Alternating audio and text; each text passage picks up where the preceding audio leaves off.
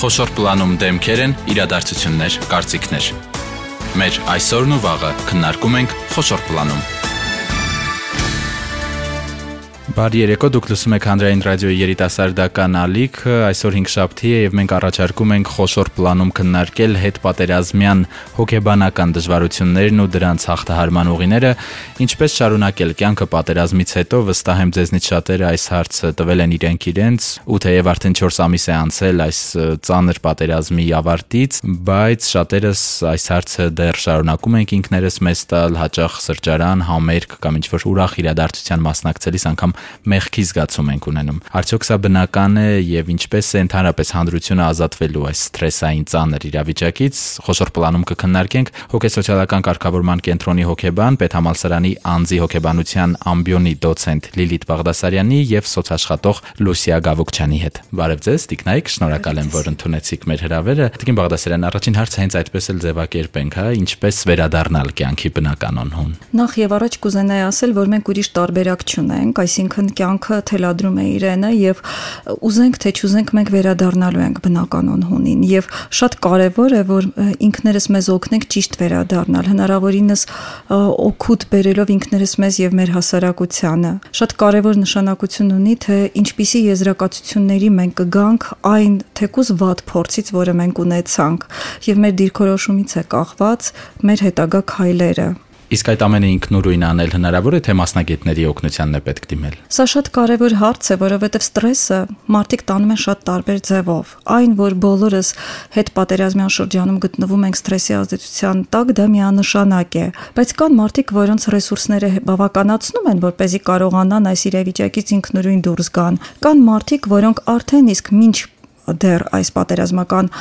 վիճակը արդեն շատ ստրեսների են ենթարկվել եւ արդեն ռեսուրսները կարծես սպառված լինեն։ Սա այն դեպքերն են, երբ որ բացարձակ անհարմար չի դիմել օգնության համար, դիմել մասնագետներին եւ շատ արագ կարելի է վերականգնվել այդ դեպքում հոգեբանների եւ թերապևտների օգնությամբ։ Տիկին Գավոկյան, ձեզ շատ են դիմում հիմա որպես սոցաշխատող աշխատում եք այն մարդկանց հետ, որոնց համար դեռ ծանր ժամանակահատված է։ Նշեմ, որ այս պահին կենտրոնում դեռ չունենք այդպիսի այցելումներ, սոցիալական աշխատանքը որպես այդպեսին, սակայն ինքը աշխատանքը շատ կարևոր է եւ իզուր չի ասված սոցիալ հոգեբանական, սոցիալական եւ հոգեբանական աշխատանք անձի հետ։ Հատկապես երբ պատերազմից հետո եթե վերցնենք, որ շատ-շատ երիտասարդներ հաշմանդամության վիճակի են հասել, այո, նրանց հետ սոցիալական աշխատանքը շատ անհրաժեշտ է, կարևոր է, որpիսի կարողանան ձուլվել սոցիումին, որpիսի կարողանան ճիշտ միջանձնային փոխհարաբերություններ դրսևորել, իհարկե այդ ամենը պիտի զուգահեռվի հոգեբանական աշխատանքի հետ միասին, կարողանան խմբերում նորից վերագտնել իրենց, ինչու՞ չէ մենք ունենք շատ ուսանողներ, հա ունենք շատ ուսանողներ, որոնք պիտի շարունակեն անգամ իրենց դասերը կրթական օջախներում, մարդիկ պետք է կարողանան իրենց վերագտնել իրենց ընտանիքներում եւ այդ ամենը այո սոցիալական աշխատողի եւ աշխատանքի ջանքերի շնորհիվ, ինչպես նաեւ հոգեբանական հոգեբանների հետ զուգահեռ աշխատանքի շնորհիվ պիտի փորձենք, որպեսզի մեր երիտասարդները կարողանան իրենց վերագտնել եւ կյանքը շարունակվի։ Այ օրինակ անկախ նրանից թե մեր ընտանիքում եղել է ֆիզիկական, հա, կորուստ ընտանիքի անդամ է զոհվել թե ոչ, ցավը համատարած է եւ աջակցության դեպքում, եթե մեծ խմբերի բաժանենք, հա, ովքեր են առաջնահերթ աջակցության կարիք ունեցողները այս դեպքում իհարկե այն խմբերը, այն մարդիկ, որոնք շատ ավելի անմիջապես են առնչվել պատերազմի հետ, բնականաբար իրենց ստրեսը ավելի ուժեղ է եղել։ Նաև կարող ենք առանձնացնել այսպիսի խոցելի խմբեր, ինչպիսին են երեխաները, որտեղ երեխաները անպաշտպան էին եւ հաճախ ծնողները իրենք ստրեսի մեջ գտնվելով չեն իմացել թե ինչպես այդ ինֆորմացիան ներկայացնեն երեխաներին եւ ուզես թե չուզես երեխաները շատ են վնասվել։ Նույնը վերաբերվում է դեռահասներին, որովհետեւ դեռահասները շատ են ցանկացել իրենց եւ տարիքից ելնելով եւ իրավիճակից պատասխան պատասխանատվության զգացումից ինչ որ ձևով մասնակցել է ամբողջ այս գործընթացին եւ բնականաբար իրենց ստրեսը նույնպես եղել է շատ մեծ։ Զինվորները կամավորները եւ նրանց եւ իհարկե կորուստ ունեցող ընտանիքները, ընտանիքների անդամները միանշանակ այդ խմբի մեջ են գտնվում։ Եվ ինչպես Տիկին Գավուկչյանը նշեց, նաեւ հաշմանդամություն ստացած զինվորները եւ նաեւ նրանց ընտանիքները։ Եվ ենթադրում եմ եւս մեկ խումբ գերությունից վերադարձած մեր եղբայրները։ Այո, միանշանակ իրենք եւ ասեմ որ հասարակության դերը այստեղ շատ մեծ է ոչ միայն հոգեբանների որտեվ հոգեկան առողջության մասնագետները ուղղակի չեն բավականացնի որպեսզի աշխատեն բոլորի հետ եւ մենք պետք է մի բռունցք դարձած օգնենք միմյանց ընկերները իրար օգնեն, կուրսեցիները իրար օգնեն, հարևանները իրար օգնեն։ Այսինքն մենք այլևս պետք է դադարենք անտարբեր հասարակություն լինել։ Մենք պետք է դառնանք շատ հոգատար եւ իրոք դառնանք մի բռունցք, միասին կարողանանք այս իրավիճակից դուրս գալ։ Ինչպես որ պատերազմի օրերին էինք դարձել։ Մենք սովորաբար այդ ծանր իրավիճակում մի բռունցք ենք դառնում, հետո բսկտվում ենք, սկսում ենք, չէ, ձեր ասած անտարբերությունը զարթնում է։ Տիկին Բաղդասարյան, հիմա դուք աշխատում եք կոնկրետ խմբերի հետ եւ եթե այո, դուք եք իրենց գտել իրենք են ձեզ գտել, ինչպես է եղել այդ գործընթացը։ Մի քանի կազմակերպություններ, հոգեբանական կենտրոններ եւ այդ թվում մեր կենտրոնը, հոգեսոցիալական կարգավորման կենտրոնը միացել են հայկական հոգեբուժական ասոցիացիայի կոչին եւ անվճար հոգեբանական օգնություն ենք ցուցաբերում բոլոր պատերազմի մասնակիցներին եւ կորուստ ունեցող ընտանիքների անդամներին եւ ես այդ process-ի մեջ եմ սկսած պատերազմից մինչ այսօր մեզ դիմում են, մեզ գտնում են, մեր հեռախոսահամարները կան, նաեւ մեր մոտ գործում է հոգեբանական անհետաձգելի թեժ օգնության թեժ գիծ եւ թեժ գծով նույնպես շատ օգնում են մեզ, շատ դիմում են մեզ, մենք աշխատում ենք բոլորին օգնած լինենք, նաեւ հրավիրում ենք մարդկանց հոգեբանական խորհրդատվությանը։ Տնայցներ են հիմնականում լինում, թե իրենք էլ են ձեզ մոտենում։ Հիմնականում իրենք աշխատում ենք անել այնպես, որ մարդիկ մեզ մոտենան կամ աշխատենք on-line, եթե մարզերում են գտնվում, ամեն դեպքում, երբ որ մարդը ինքը գալիս է հոգեբանի մոտ, դա առաջին քայլն է, որ անձը անում է եւ այո, օգնում է ինքն իրեն։ Սա առաջին քայլն է։ Այսինքն ավելի էֆեկտիվ է դառնում գործընթացը։ Շատ ավելի արդյունավետ է, այո, երբ որ մարդը գալիս է։ Տիկին Գավուկյան, մարդիկ, ովքեր հեռու են այս ոլորտից, հաճախ խառնում են սոցաշխատողի, հոգեբանի պարտականությունները, այլ հենց հետ պատերազմյան շրջանում որն է սոցաշխատողի հիմնական գործառույթը։ Սոցիալական աշխատողի հիմնական գործառույթը դա անձին կարողանար զինել այնպիսի, այսպես ասած, գործառույթներով եւ այն ինչը իրեն պակասում է կոնկրետ նորությամբ շեշտում երևի հաշմանդամների թիվը ավելացավ դրա համար եմ դա ուզում շեշտել էլի եւ օգնել ձեռք բերել անգամ այդ օգնել ձեռք բերել իրենց համար խիստ անհրաժեշտ այսպես ասած թե պրոթեզները թե այն ինչը որ իր կենցաղը կհեշտացնի բնակարանում հա այդ կենցաղային իրերը որpիսի ինքը կարողանա ամբողջական իրեն զգալ լիարժեք անդամ զգալ եւ ընտանիքում եւ միկրոսոցիումում եւ մակրոսոցիումում մինչեւ այդ ամենը այսպես ասած տեղին չլինի, հա, իր համար, ինքը չի կարողանա փոխհարաբերվել շրջապատի հետ։ Պատկերացրեք, ասենք, վերցնենք անձը, որը անդամահատված է։ Մինչև այսպես ասած մարմնի ամբողջականությունը ինքը ինչ որ չափով չզգա, իրեն համար շատ դժվար կլինի։ Ճիշտ է, հոգեբանական աշխատանքը շատ կարևոր է, որpեսզի ինքը ամբողջությամբ, այսպես ասած, չկորցնի իրեն, կյանքը իր համար սև չլինի, բայց հոգեբանի հետ զուգահեռ, հոգեբանը հոգեթերապևտիկ աշխատանքի հետ զուգահեռ միաժամանակ նաև պետք է լուծել նրա կենցաղի հարցը որpիսի ինքը կարողանա օգտվել, լիարժեք անդամ դառնալ, կարողանա փոխհարաբերվել շրջապատի հետ եւ ինչու՞ չէ իր բալիկին գրկի, իր ընտանիքի հետ սեղանի շուրջ նստի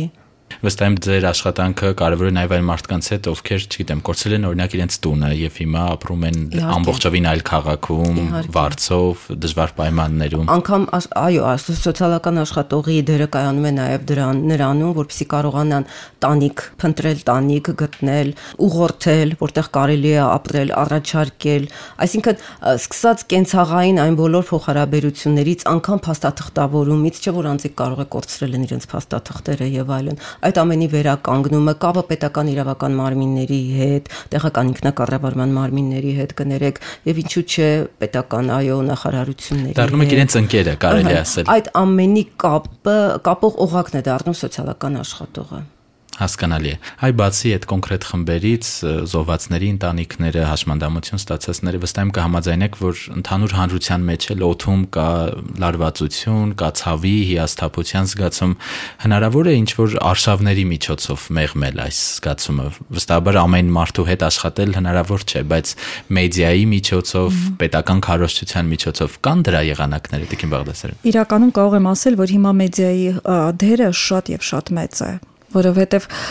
իրոք ավելի մեծ կապող օղակ չկա հասարակության համար, քան ԶԼՄ-ներն են։ Մարդիկ ուզում են ինֆորմացված լինել, մարդիկ ամեն երեկո հավաքվում են եւ լսում են կամ ռադիոալիքներ, կամ հեռուստա տեսությամբ, կամ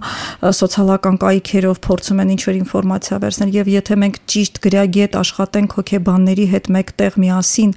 մեր ազգային հոգեբանության վրա, մեր ոգին, ազգային ոգին բարձրացնելու եւ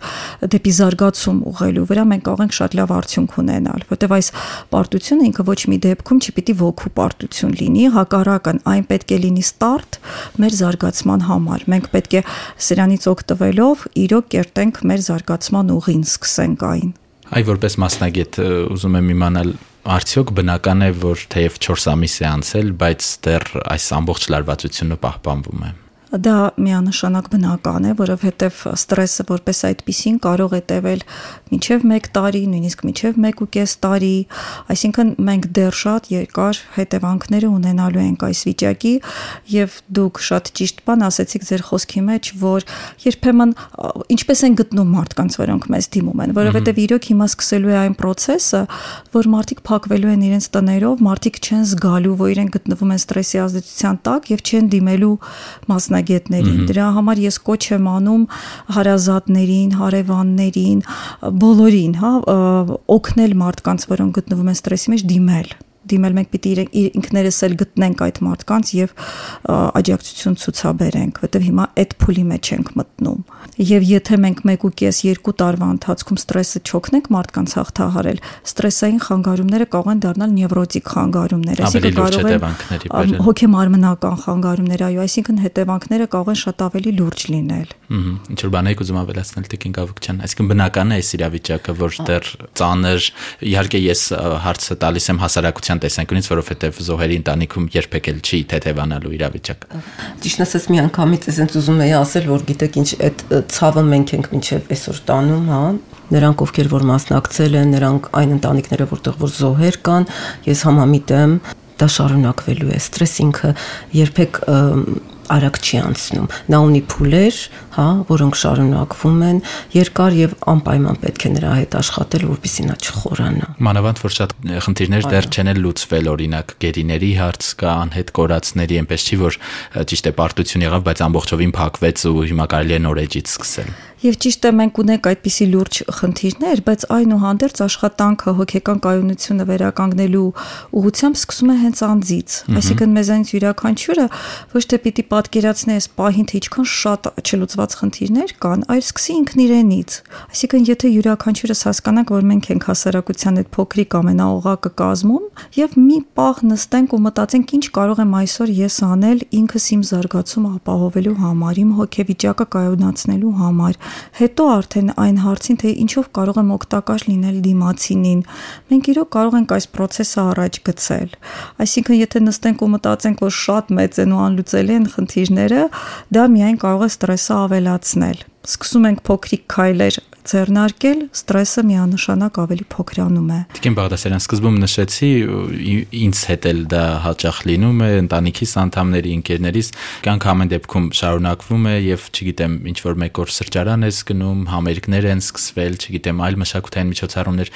ճիշտ է գնում ես, բայց կա մեղքի զգացում, որ շատ ընտանիքներում վիշտ է, ցավ է, դեռ շատերը չեն գտնվել, հաշմանդամ են դարձել եւ այ ես ինչու եմ եկել ուրախ միջոցառման։ Սա եւս բնական հարց է մարդու մոտ։ Մեղքի զգացումը շատ բնական է եւ ասեմ ձեզ, որ նա լավ հատկություն է, ոչ թե վատ, ինչ իմաստով, որ երբ որ մարդը ունենում է մեղքի զգացում, նշանակում է ինքը ունի նաեւ պատասխանատվության զգացում։ Նշանակում է, որ նա անտարբեր չի։ Ուղղակի կա մեղքի զգացման չափ կա մի չափ, որը արդեն սկսում է խանգարել եւ ոչ մեկին այդ ինքնախարազանումը իրականում պետք չի։ Անկամ այն մարդիկ, որոնք կորուստ ունեն իրենց ընտանիքում, անկամ իրենք չեն ուզում տեսնեն տխուր մարդկանց, անգամ իրենք կարիք ունեն հակառակը մտնել այն հասարակության մեջ, որտեղ որ կյանքը շարունակվում է, եւ այդ դեպքում իրենք կհասկանան, որ իրենց զավակների, իրենց եղբայրների զոհը, այսպես ասած, այդ հերոսությունը չի եղել պատահական, չի եղել անիմաստ։ Այլ ապրելու, ապրեցնելու է։ Հենց ապրելու եւ ապրեցնելու դրա համար այդ պահին ավելի լավ է մենք իրոք հաղթահարենք մեղքի զգացումը, եթե կարող ենք ինչ-որ բանով օգնել, օգնել, կա ժամանակ տխրելու համար, կա ժամանակ ուրախանալու համար, եւ այդ ամեն ինչը բնական է շատ։ Խոսոր պլան. Իմ ռադիոյի եթերում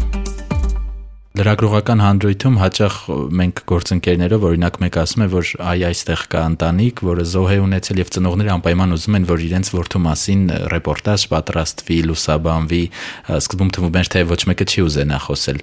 Սա էլ ինչ որ մի ձև ստրեսը հաղթահարելու ձև է, հա, խոսել, պատմել, հպարտանալ իրենց զավակով Այո, իհարկե, սա շատ օգնում է ծնողներին, իհարկե յուրաքանչյուրը անհատապես է տանում։ Մեկը ուզում է ինքնուրույն իր ցավը ապրի եւ պատրաստ չի դեռ այդ քայլին, իսկ եթե մարդը ինքը պատրաստ է, արդեն դրան միանշանակ պետք է օգնել, որովհետեւ իրոք մենք խոսում ենք հերոսների մասին, իրոք խոսքը գնում է այն մարդկանց մասին, որոնք իրենց կյանքը զոհել են հանուն հայրենիքի եւ ամեն ձևով մենք պետք է մեծարենք իրենց անունը։ Իսկ հոգեբանական տեսանկյունից մենք ոչ միայն օգնում ենք այդ ընտանիքին, մենք առողջացնում ենք հասարակությունը, որտեղ մենք դերը ու նշանակությունը այդ երևույթի որն է հերոսացումը ավելացնում ու մեծացնում ենք հասկանալի։ Տիկին Գավուկյան նշեցիք, որ նոր-նոր եք չէ սկսում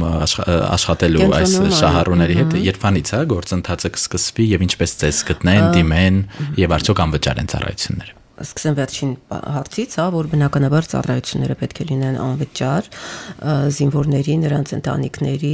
անդամների եւ կոնկրետ հենց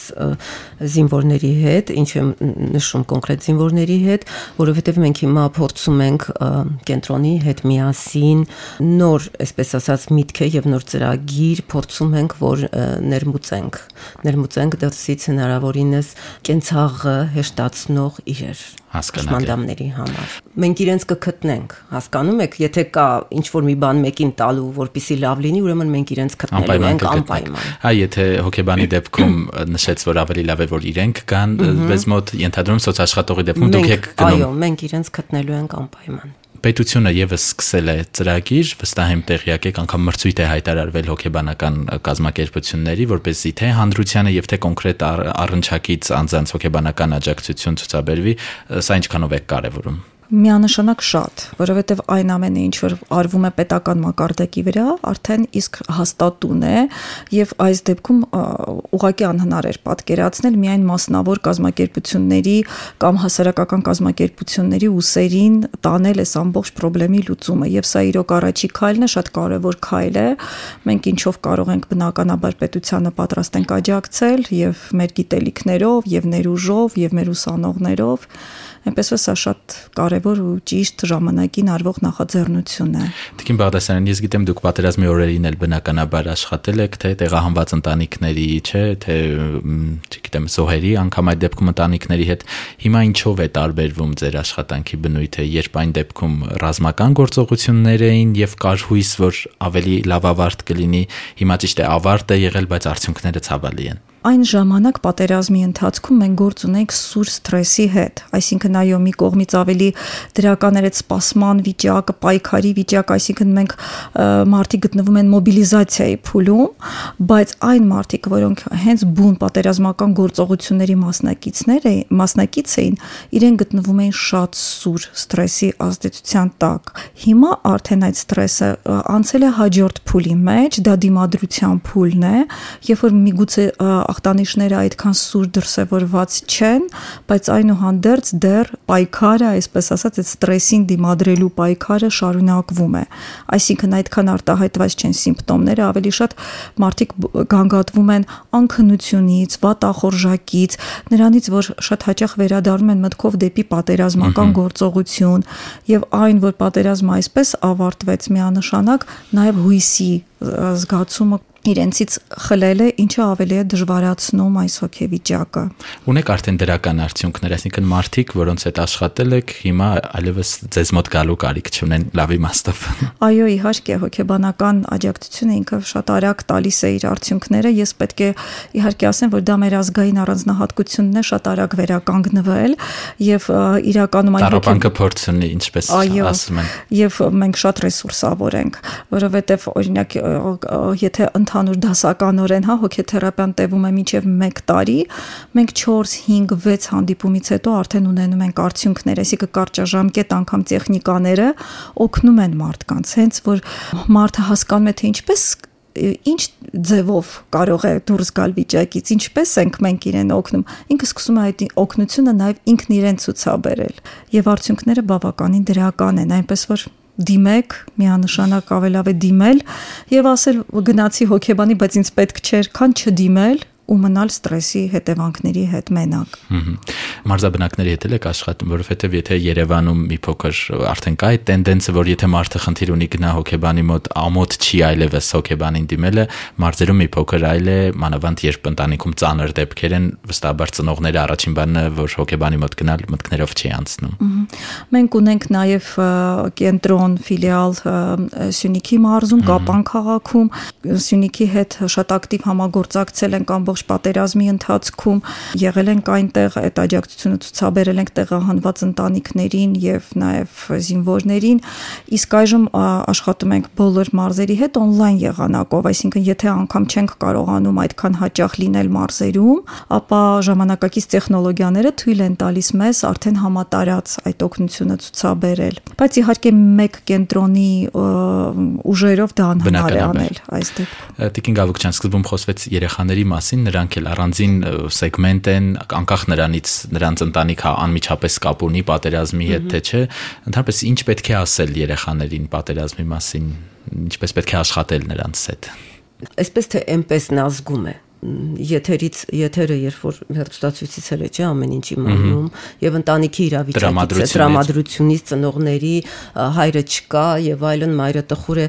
պետք է խոսել ճշմարտությունը Ճշմարտությունը ամենակարևորն է, որը պետք է ասել։ Իհարկե Տիկին Գավուկչյանի հետ համաձայն եմ, որ ճշմարտությունը պետք է ասել, բայց այսպես ասած պետք է նաև հաշվի առնել երեխայի տարիքի առանձնահատկությունները, այսինքն ամեն երեխայի, ամեն տարիքի երեխային տալ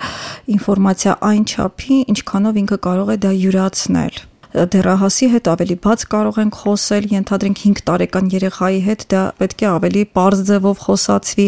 այսինքն իր չափաբաժնով, այսպես ասած։ Երեխաներից խոսեցինք, հետաքրքիր է հաճախ զոհերի ընտանիքում 1 տարի անց ծնողը, եթե իհարկե այդ տարիքում է, ունենում են նոր երեխա։ Առաջին օրերին թվում է թե այդ մարդկանց կյանքում ամեն ինչ փուլ եկավ, բայց նրանք ուժ են գտել իրենց մեջ։ Սա կարելի է դիտել որպես սթրեսի հաղթահարման ցուցիչ։ Ասեմ այսպիսի մի բան, ինչ որ վերաբերում վերաբերվում է կորստի հաղթահարմանը, երբևիցե ոչ մի հոգեբան, ոչ մի մասնագետ չի կարող մարդուն օգնել նոր իմաստ գտնել որովհետև նոր իմաստի գտնելը դա շատ ինտիմ process է, որը ինքը մարդը պետք է անի եւ հոգեբանը միայն օգնում է մարդուն իմաստակառուցման process-ի մեջ եւ այ երբեմն այդ իմաստակառուցումը, այսինքն նոր կյանքի իմաստի գտնելը բերում է այդ մտքին, որ եթե ես ունենամ նոր կյանք, եթե ես ապարգևեմ ինչ որ մեկի նոր կյանք, դրա մեջ ես կգտնեմ իմ կյանքի իմաստը, բայց ոչ միայն դրա մեջ, երբեմն ուրեմն մարդիկ օրինակ կարող են բացել գրադարան, կարող են բացել ինչ որ մի նոր գործ, կարող են ուղակի ինչ որ բարեգործական հիմնադրամ բացել, այսինքն յուրաքանչյուր մարդ ինքը իր ձևով է ստրեսը հաղթահարում եւ իր իմաստը կառուցում։ Իսկ մենք ուղակի օգնում ենք այդ process-ի մեջ իրենց։ Ամենևին չուզենալով զրույցը իհարկե քաղաքականացնել, բայց նաեւ երկրում քաղաքական տեսանկյունից լարված մտնոլորտ է, ցույցեր են, բողոքի երթեր են, ճանապարհներ են փակվում, սա եւս նպաստում է որ ստրես ստրեսը ավելի երկար շարունակվի։ Սա եւ միանշանակ նպաստում է, որ ստրեսը երկար շարունակվի, որովհետեւ փոխանակառուցողական գործողություններ լինեն, որոնք օգնում են մեզ դուրս գալ ստրեսից, հակառակը ապակառուցողական։ Մենք էլի բաժանվում ենք, մաս-մաս ենք լինում։ Մաս-մաս ենք լինում, բայց կարող եմ ասել, որ շատերը փողոցներում են հենց ելնելով նրանից, որ գտնվում են ստրեսի ազդեցության տակ, որտեվ երբ որ մարդը ստրեսի մեջ է, ինքը ուզում է որևէ գործողություն ձեռնարկի այդ ստրեսից դուրս գալու համար եւ սա դեստրուկտիվ, բայց գործողություն է ինչ որ բան անելու։ Հատկապես անհետ կորածների ծնողների մոտ հաճախ նկատվում է այդ վարքը, որը որևէ ձևով քննադատել կամ դատապարտել չեն կարող։ Եվ բացարձակ ինքը քաղաքական քաղաքականացված չի իրականում։ Եվ վերջում մեկ այլ կարևոր խմբից էլ խոսենք, գերիների մասով դուք աշխատել եք կամ գիտեք, որ պետական կառույցները արդյունավետ աշխատանք են տանում, որովհետև բացի ֆիզիոլոգիական, չէ, հետազոտություններից մենք գիտենք, որ նրանք վերադառնում են առաջին բանը հիվանդանոցում հետազոտություններն են, արդյոք նրանց հետ շարունակական աշխատանք է տարվում հոգեբանական վերականգնման տեսանկյունից։ Անկեղծ ասեմ, դեռ մենք գերիների հետ աշխատանք չենք տարել, տեղեկացված չեմ, թե ինչքանով են պետական կառույցները դրանցով զբաղվում։ Ընթացակարգը պահանջում է, չէ՞։ Միանշանակ անհրաժեշտ է, որովհետև իրենք գտնվել են շատ ուժեղ հոգեբանական ճնշման տակ, լինել պատերազմի ընթացքում գերի ճշնամի երկրում, դա շատ մեծ հոգեբանական լարվածություն է եւ անգամ քաղաքական պատասխանատվություն բացի վտանգից, կոնկրետ վտանգից կյանքի նկատմամբ, բայց գիտեք ինչպես մի քիչ ժամանակ տալ մարդուն սեփական ռեսուրսները աշխատացնել նույնպես շատ կարեւոր է։ Այսինքն անընդհատ չճնշել, հա, մասնագետների կողմից։ Այո, ոչ կպչուն ձևով է պետք օգնություն ցուցաբերել, այսինքն ամեն պահ պատրաստ լինել այդ օգնությունը ցուցաբերել, բայց նաև լրիվ վստահություն ունենալով, որ սեփական ռեսուրսները նաև կարող են կարևոր նշանակություն ունենալ վերականգնման գործընթացում։ Թեմաները շատ զգայուն են եւ դուք էլ շատ հետաքրքիր պատասխաններ եք տալիս, կարելի է շատ երկար շարունակել, բայց վերջում կուզենայի անպայման նշեք ինչպես դες դիմեն, սկզբում նշեցիք, որ ծառայություններ կան անվճար են, աշխատում եք Տիկին Գավուկչյան, սկսենք ձեզնից, չնայած նույն կենտրոնում եք համագործակցում, եթե սոցաշխատողի կարիք կա, օգնություն կա, ինչպես գտնեն ձեզ։ Եթե կա սոցաշխատողի կարիք, խնդրեմ, կարող են բոլորը դիմել հոգեսոցիալական կարգավորման կենտրոն։ Բնականաբար մենք ունենք մեր կայքը, հա, edge-ը եւ Facebook-ում։ Տիկին Բաղդասարյան, գիտեմ նաև կա թեժգծի հեռախոսահամար։ Մեր հոգեբանական թեժգծի համարն է 060 834 777 կարող եք զանգահարել եւ մեր օպերատորները, որոնք արդեն իսկ գործող հոգեբան մասնագետներ են, կպատասխանեն ձեր հարցերին եւ կուղորթեն անհրաժեշտության դեպքում համապատասխան մասնագետների մոտ։ Զանգի հետ կապված անվճար է խորհրդատվությունը։ Խորհրդատվությունը անվճար է, ուղղակի միայն այդ զանգի վճարն է ինչպես ցանկացած բջջային հեռախոսահամար։ Շատ շնորհակալություն ձեր խորհուրդների համար։ Հուսով եմ ովքեր լսեցին ինչ որ չափով օգտակար եղավ նրանց եւ հատկապես մարդիկ իմացան թե ինչպես կարող են ձեզ դիմել։ Շնորհակալություն որ այսօր եկաք։ Խոսոր պլանում այսօր հոգեսոցիալական կարգավորման կենտրոնի հոգեբան, Պետհամալսարանի անձի հոգեբանության ամբիոնի դոցենտ Լիլիթ Բաղդասարյանն էր եւ սոցաշխատող Լուսիա Գավուկչյանը։ Նրանց հետ զրուցեց Սևակ Հակոբյանը։ Կհանդիպենք հաջորդ 5 շաբթի առողջ եղեք։